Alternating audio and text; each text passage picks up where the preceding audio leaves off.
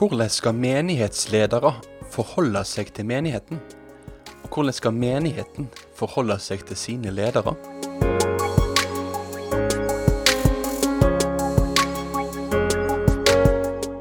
Velkommen til et eh, nytt program av Ord til liv med radio- og TV-pastor Ingvald Kårbø. Podkasten er produsert av P7 Kristen Riksradio, som vil forkynne Jesus Kristus, slik at varig frukt skapes.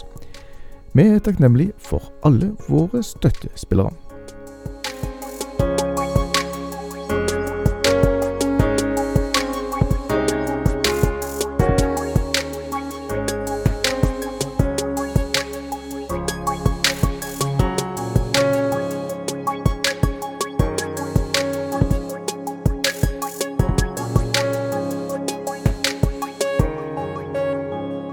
Velkommen til et nytt program av Ord til liv.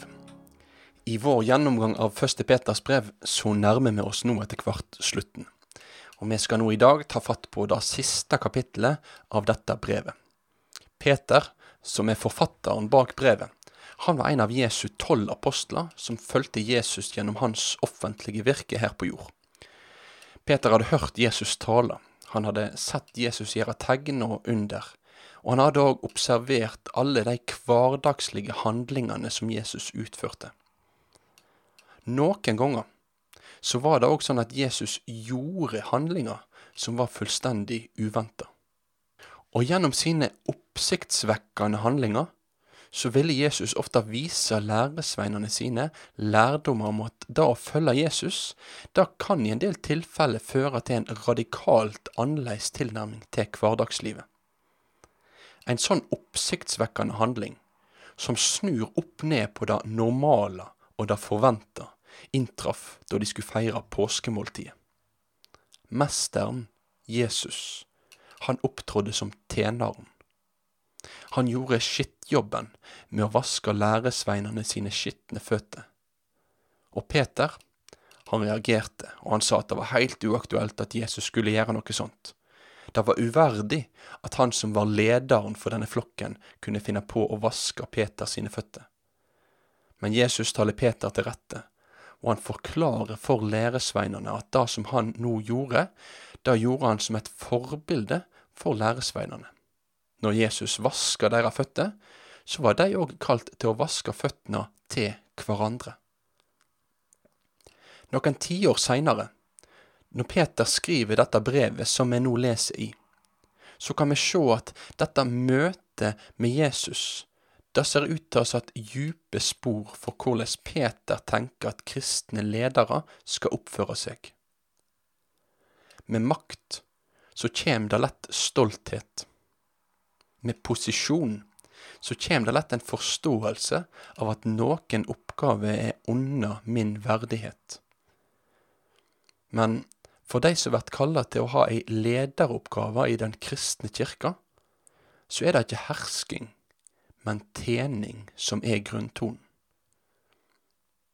Dagens Ord til liv-program skal handle om kristent lederskap, og hvordan menigheten skal forholde seg til de som er innsatt som ledere i forsamlingen.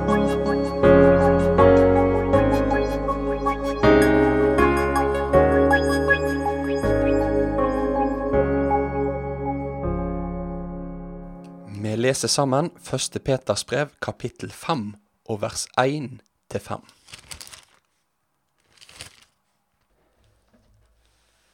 De eldste mellom dykk legger jeg dette på hjertet, jeg som sjøl er en eldste og et vitne om Kristi lidinger, og har del i den herligdommen som skal åpenbærast.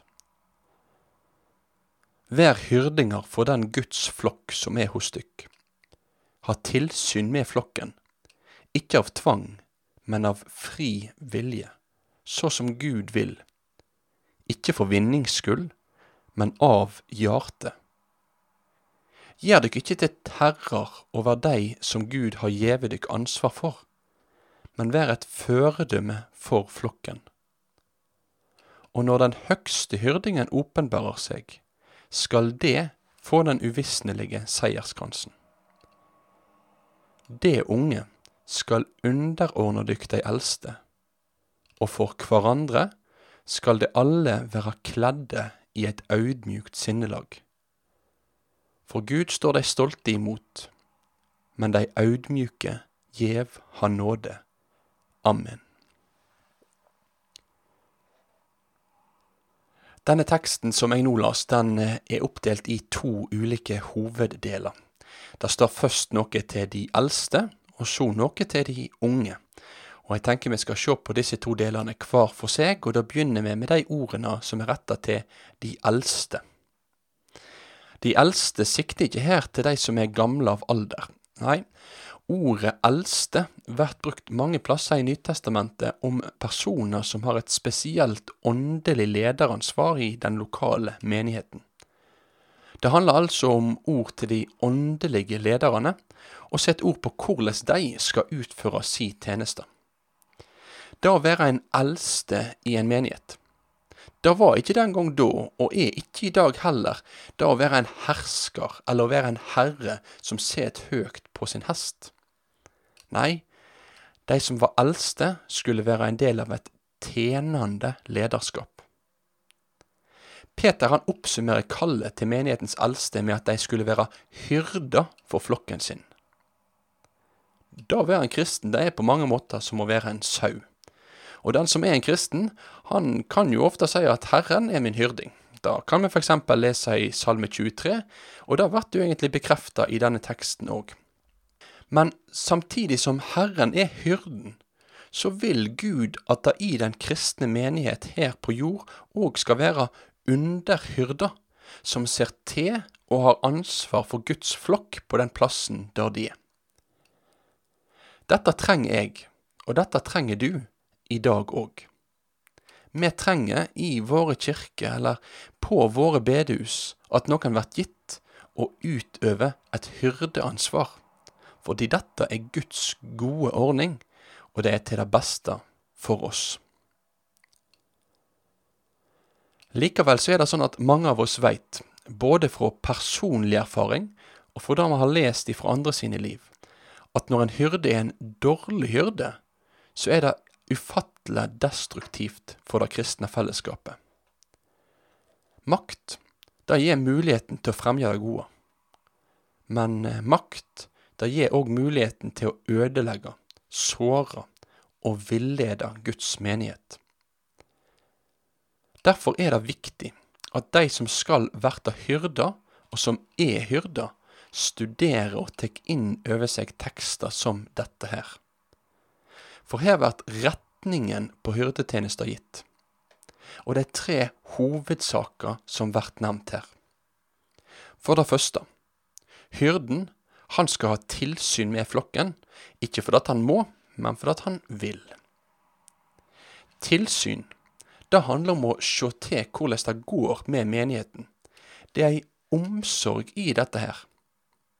Har jeg tilsyn med en saueflokk, så skal jeg passe på denne flokken, at det går godt med han, at ikke ulven kommer, og at flokken får den maten den trenger. Og har jeg da tilsyn med Guds saueflokk, menigheten, så handler det om å se til det åndelige livet i forsamlingen. Og sørge for at forsamlingen får ta til seg av Guds ord, og vokte òg for at djevelen med hans ulike listige angrep ikke skal få fotfeste iblant oss. For det andre, det står at den som utøver dette tilsynet, han skal ikke gjøre det for egen vinning, men av hjertet. For en hyrde så er det en fristelse å få et sterkt innadretta blikk mot seg sjøl og si eiga tjeneste. Egoismen og det ønsket om status, det er jo ikke noe som blir liggende igjen ved dørstokken når noen går inn i ei sånn type tjeneste.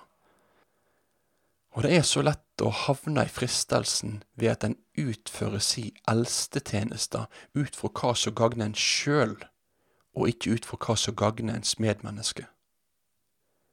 Det er så lett for en taler å verte mer opptatt av hva tilhørerne tenker om meg når jeg sier noe, i stedet for å tenke på hva flokken trenger å høre. enhver hyrde trenger å bli minnet på. Du gjør ikke dette her for deg sjøl, du gjør det for flokken. Det er deg som er ditt ansvar. Målet er ikke at du skal skinne, at du skal bli stor, at du skal være helten. Målet er at du skal få være til hjelp. Og Dette fører meg videre til det siste punktet av Peters veiledning til menighetens eldste.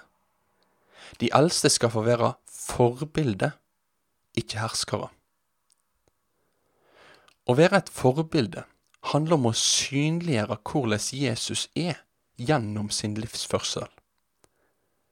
En leder kan enten være en lyskaster eller et svart hull. Den kan enten, som et svart hull, dra andre inn i sitt mørke gjennom å føre mennesket på avveier. Eller så kan lederen være en lyskaster, som gjennom sitt liv modellerer hvordan Jesus er, og hvordan forsamlinga er kalt til å leve i etterfølgelse av Jesus. Du og jeg, vi trenger gode forbilder. Forbilder som lærer oss å leve hverdagslivet som utlendinger i verden sammen med Jesus.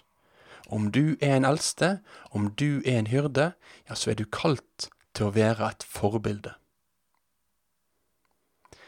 Etter ordene til de eldste, så kommer ordene til de unge. Og de unge, da kan da enten sikte til alle de i menigheten som ikke har i eldstetjenester, eller så kan det sikte spesielt til yngre kristne. Det er ikke så godt å vite hva Peter mener akkurat her. Men uansett så er poenget det samme for begge disse gruppene her. For den som ikke er en eldste i forsamlingen, er kalt til å underordne seg forsamlingens eldste. Vi har i noen tidligere programmer av denne serien om første Peters brev sett at underordning er noe som Peter òg nevner når det gjelder ekteskapet og samfunnslivet. Her så dukker det opp når det gjelder menighetslivet. Underordning det er ikke det samme som blind lydighet. Peter oppfordrer ikke her til sånn sekterisme der lederens ord ikke kan stilles spørsmål med eller bli utfordra. Men underordninga, den handler om en djup respekt for de som har fått lederansvaret. Og når de da leder flokken i samsvar med Guds ord, så skal jeg høre på dem Sjøl om jeg kanskje noen ganger hadde tenkt at jeg ville gjort den eller den tingen litt annerledes, så skal jeg likevel forholde meg til deres beslutninger.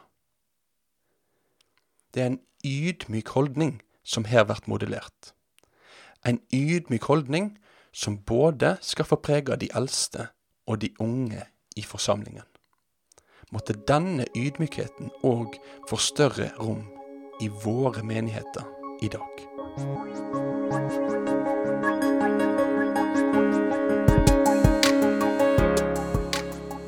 Takk for at du hørte på Ord til liv med radio- og TV-pastor Ingvald Kårbe.